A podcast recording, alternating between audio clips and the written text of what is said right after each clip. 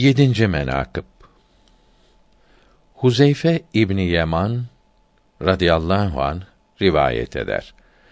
Bir gün Hazreti Resulullah sallallahu teala aleyhi ve sellem sabah namazını kılıp dönüp Ebu Bekr Sıddık'ı radıyallahu an sual etti.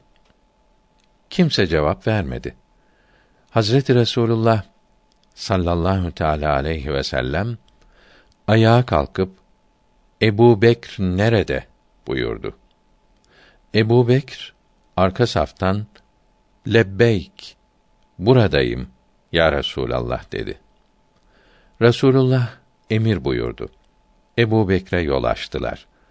Yanına gelip Hazreti Fahri Kainat buyurdular ki: Ya Ebu Bekr, neredeydin? Birinci rekatte bana yetiştin mi? Ebu Bekr radıyallahu teâlâ an dedi ki, Ya Resûlallah, birinci safta sizinle tekbir alıp, Fatiha suresini okumaya başlamıştım. Sonra abdestimde vesvese oldu. Abdest için dönüp mescit kapısına geldim. Birdenbire bir ses işittim. Ardıma baktım gördüm ki altından bir kap asılmış ve içi dolu su idi. O su kardan beyaz ve baldan tatlıydı. Üstünde bir mendil örtülmüştü.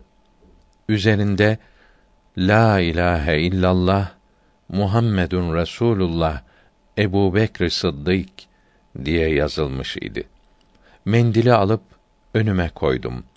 Abdest alıp mendili geri kabın üzerine koydum.